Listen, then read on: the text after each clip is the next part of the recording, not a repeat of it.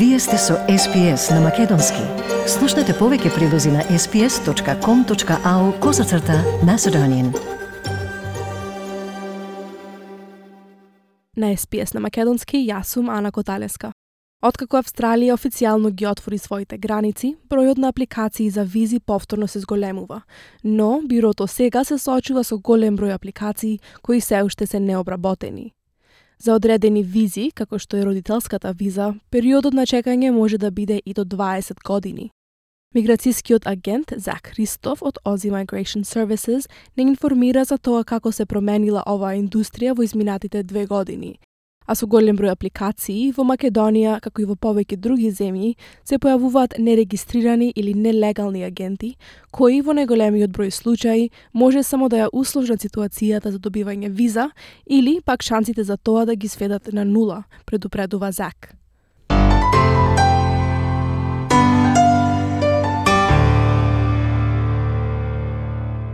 Зак, последно разговаравме со вас во 2020 година во екот на пандемијата, кога еден од поголемите проблеми, како што кажавте во вашата индустрија, беа луѓето на кои им завршуваше работната виза, но не може да се вратат дома поради затворените граници. Кажете ни како се промени оваа индустрија од тогаш, откако границите ширум светот се претежно повторно отворени? Сега работеците, работеците се подобри, гледаме има раст во индустријата, специјално кај студентските визи, партнер визите, бидејќи сега луѓето може да, да дојдат. Имаме доста туристички визи што што луѓето аплицираат и за и тоа се и тоа креира бран за да се добие нели студентите да одат на работни визи или на скил визи и така натаму. Значи така. моментално ситуацијата е подобра иако тогаш беше многу тешко за нашата индустрија, но сега гледаме дека има многу голямо подобрување, но имаме проблеми со а, апликациите, има премногу апликации што уште не се разрешени. Само тука има малку што се вика challenges во индустријата. Да, така. Кој е најголемиот проблем кој вие како миграцијски агент сега го решавате за вашите клиенти? Видиш, секој случај е сам за себе. Ние претежно работиме на доста комплицирани случаеви, имаме и многу лесни, но многу пати се случуваме со проблеми каде луѓе, апликанти одат на илегални агенти или агенти што не се регистрирани како миграциони агенти одат за, нели каже рече, за ништо пари или за многу ниска цена, се запослуваат да некој да им врши пополнување на некој формулар или некој што се разбира. И тука има проблеми кога тој човек бидејќи не е трениран, бидејќи не добива таа едукација ништо, имаме не добива се соочува со проблеми, значи имаме видно каде тие луѓе илегални миграциони агенти аплодираат е, лоши документи, аплодираат документи од други странки, аплодираат документи што се лажни, така натаму тоа прави голем ризик на апликантот, бидејќи за аплодирање на неточен документ или за аплодирање на лош документ може, мислам, лош во смисол да, да документот не е ваш или истечен или било што, тоа може да дојде до проблеми каде што може клиентот или апликантот да изгуби визите и да не добие повеќе за аплодирање на фалсификат документи. Значи има имаме такви проблеми и плюс а, проблеми околу на некои луѓе им истекла визата, па после им текнало дека им истекла визата, а тоа значи дека веќе не може да биде друга виза, па тука гледаме како да им помогнеме да останат они во државата малку повеќе или да им помогнеме лесно и убаво да се излезат од државата, па, па да се вратат како што треба. Да, разбирам. Овие нелегални агенти што ги спомнавте, дали се повеќе застапени во некои одредени земји или заедници, или тоа се случува општо низ целата индустрија? Зборам за Македонија, во Македонија има неколку илегални агенти што работат, тие немат немат RMA нама, значи не се регистрирани со Омара и не се регистрирани нели како агенти, нема завршена школа, има некои а, а има и во Македонија, значи агенти што се легални што и што легално се работат за Македонија знам да зборам, но знам дека има и во Индија, има и во Русија, значи скоро секаде и Пакистан, скоро секаде кај што нели има таа како да кажам, некоја сиромаштија, луѓето да. да гледат за да платат 100 евра, 200 евра или 300 евра за некоја си партнер виза што е што е смешка, мислам во тој смисло на големината на работата и сето тоа.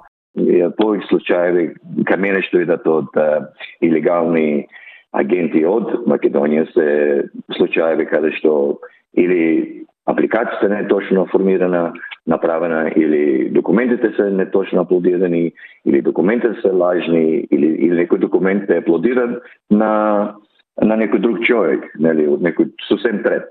Да. И, и такви работи имаме видено и, и едва, едва ги спасуваме, нели, правиме нашата магија за да можеме да ги спасиме луѓето да се добијат виза како што треба. А, проблемот е што што луѓето мислат дека ние како агенти само пополнуваме формулари. Не е, не е тоа точно, тоа е само дел од работата. А, исто како да кажеш да како носиш школата кај менеджер, само ќе ги напапа гумите. Сакам да кажам, разликата е дека ние сме школувани, ние секое секој секој година мораме да одеме на на специјални обуки, мораме да ги довршиме тие обуки и а, добиваме ние сме поврзани со владата а, во некој начин со вести што што доби што владата така ќе прави како ќе прави за во смисла на имиграција. Исто така, јас сум член на МИА и многу агенти тука се член на МИА, што е Migration Institute of Australia и тука ни добиваме разни облуки, разни сознања, разни вести, планови и така натаму за имиграционната индустрија. Значи нема што ако си поврзан со индустријата и ако си регистриран агент, нема што може да ти помине а, во immigration за Австралија или по политиката околу имиграција за Австралија да за ти да не го знаеш.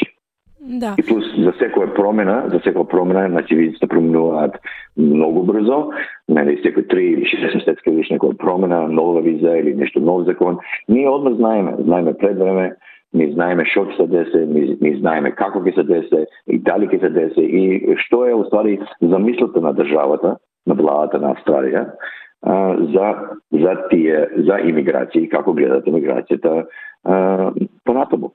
Сите луѓе на што работат на најголем ниво и што работат професионално, работат со колеги, работат со индустрија, работат со тие луѓе со побрзни индустријата.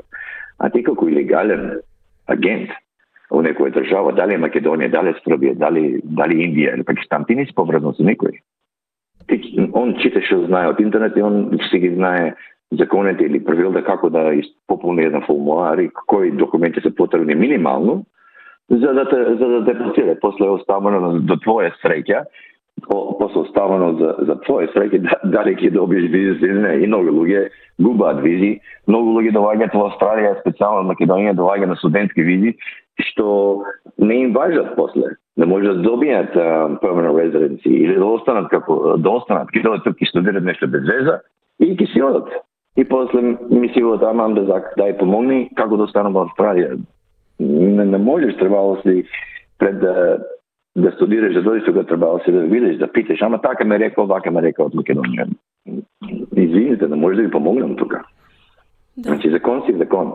Да, навистина и сигурно искуството значи многу. Да, е па како дојде кај мене клиенти сака, например, ќе каже сакам да студирам или сакам да работам.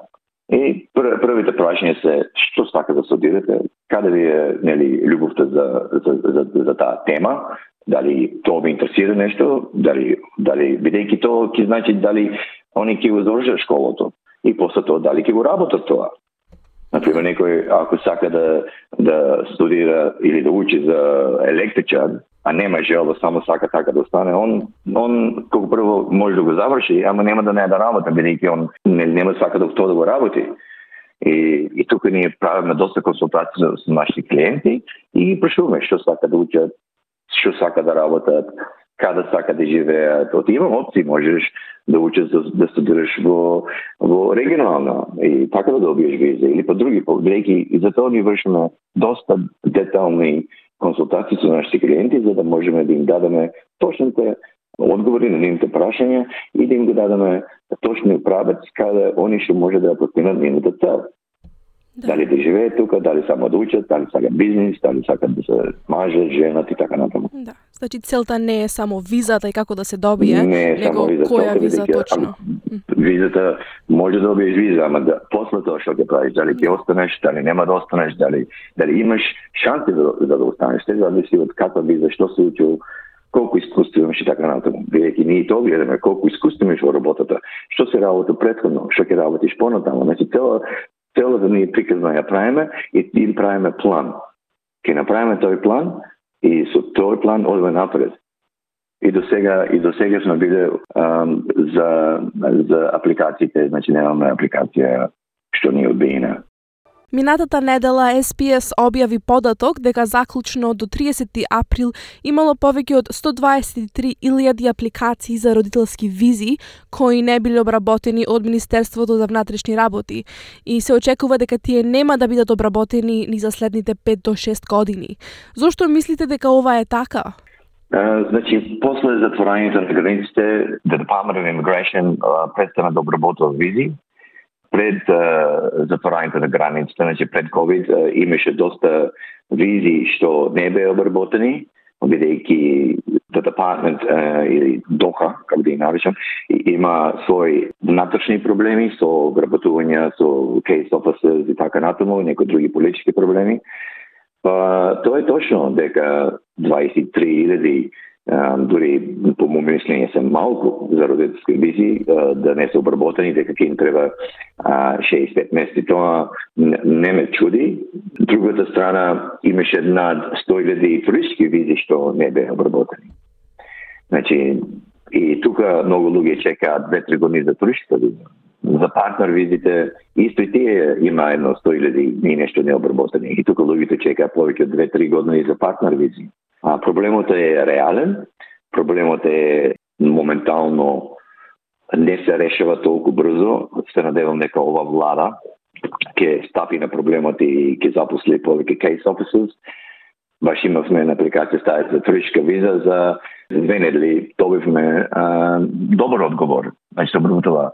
Пред тоа имаме обработено и други визи што брзо, брзо се а, нели решија а, ама може да тоа до среќа или да било што, но има проблем во Department of Immigration дека немат луѓе, а, организациите не им е добро моментално и поради промен на владата ќе лезат организират се и делам дека ова влада ќе ќе стави малку повеќе ресурси за да може овие проблеми да се реши. Според вас, како изгледа иднината на родителските визи и дали постои друга опција за луѓето кои сакаат да си ги донесат своите родители во Австралија? Опциите се тие. Други опции нема. Значи, првата опција да дојдат како туристи, да се седат 3, 6 или 12 месеци. Втората опција е да добиват temporary виза, што е 3 до 5 години. И после ги имате и другите родителски визи, што се contributory parent и non-contributory parent. Значи, тие што се contributory parent, а, тие визи се плаќаат по 45.000 долари по човек и тие визи им треба 3 до 5 години да се обработат и се така. А, и плюс има тие што се non-contributory, што се другите визи, а, што им треба едно 30 до 40 години да се обработат. Да, така, значи... Тие не ги, не ги предлагаме на нашите клиенти, бидејќи кој ќе чека 30-40 години за да биде бизнес. Да. Ние имаме други а, стратегии како можеме да ги донесеме родителите во Австралија, да се да се живеат во Австралија 3 до 5 години и, и за време на тие 3 до 5 години да добијат друга виза што ќе им што ќе им дозволи они да останат стално. А за да, трпење треба да, да, да го избереш агентот што знае како да ги плива тие води. Е, е, мора да и се да забележите дека секој година, сега еве на 1 јули ова година, визите ќе поскапат за 7%. Mm -hmm. Сега што била нели партнер виза 7.900 колку е сега, ќе стане 8.000 и нешто. До година ќе стане 8,5, па 9, при така натаму. Ја и сега година се менуваат и и може да, би, да, да дојдат нови визи, може и ти што ги имаме да ги скратат или да им скратат условите или да им изголемат условите, да ги стеснат повеќе за, за да биде потешко некој да дојде. Сега ќе има рачуна промени во партнер визите, каде што ќе мора апликантот и да, да знае англиски. И плюс ќе мора да се направи апликација за спонзорот моментално се прави апликација за спонзорот, ама таа е паушална апликација, само да знае да знае кој е спонзорот.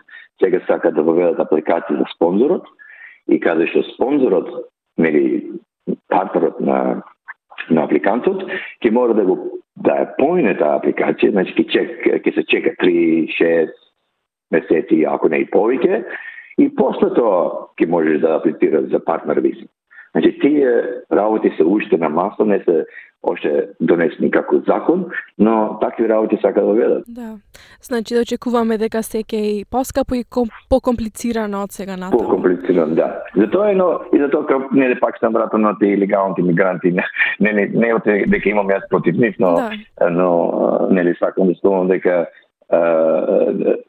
окей, ви ќе платите 200, 300, 500 евра колку ќе платите тоа, ама ќе дадете сега 8000 долари на нешто што е сега се, се, се става под ризик. Остиги ти 500 евра се ништо, ти 8000 долари што ќе дадете и плюс другите трошкови, и ви се на ризик. Да ве прашам, постои ли некоја специфична виза која во моментов се фаворизира според Бирото за имиграција? Значи во или ноември 2020, или да кажем од септември 2020 ја направија PMSOL, што е Priority Migration Skill Occupation List, и тука има 44 окупации што се за приоритет и тие струки се да. се направени за да можат побрзо аплицирање и за да можат да да донесат луѓе од странство под тие струки например, медицински сестри, доктори, психиатри, нели, ветеринари, фармацевти, електричари, да. civil, uh, civil engineers, значи, такви работи. Значи, тие струки, uh, специјално во IT, програмери, да. и тие се, тие се на приоритетната листа, и тие се, тие се uh, луѓе кои кои е, сакат да, за, да ги донесат во што се вика во critical sector. Значи тие се critical sectors во Австралија и они сакат тие луѓе што имаат тоа искуство да дојдат во Австралија. Али сепак мора да да поминат низ нели поминат сите услови на за таа визна категорија. Во текот на пандемијата визите за медицинскиот персонал беа побрзо одобрени, но и после некој период и тоа умерено се укинуваше. Во моментов кога сега Австралија се соочува со недостиг на здравствени работници, каква е ситуацијата за визи за медицинскиот персонал? Знам дека спомнавте дека нивната професија е дел од таа листата за приоритет, ама како изгледа тоа? Австралија моментално и треба медицински персонал, а и не и треба. Што значи тоа? Владата кажува дека и треба медицински персонал, е специфично на, е, например, да, да патиме aged care, како H.K. како индустрија, они немат медицински сестри што работат во HK Сам велам дека ова влада ќе почне да дава пари нели од буџетот на H.K. индустријата и тука ќе можат тие што се H.K. центри да можат да вработуваат луѓе и тука ќе порасне нели растот за тоа. Во во болниците и нели за доктори, за медицински сестри во клиниките, а, тоа е друг проблем, значи тука има други challenges, меѓу меѓу кои се нели англискиот јазик, меѓу кои се регистрација во Австралија, Да, така. И за крај, дали имате некои индикации од Бирото за имиграција за како ќе изгледа иднината за луѓето кои бараат начин да се преселат во Австралија? А, значи има има доста начини. А, значи има има значи индустријата расте, владата се промени и сега треба да гледаме што ќе направи владата. Ќе, ќе гледаме што и како ќе реши владата овој проблем. Има проблем со многу визи што се што се уште во система што не се обработени.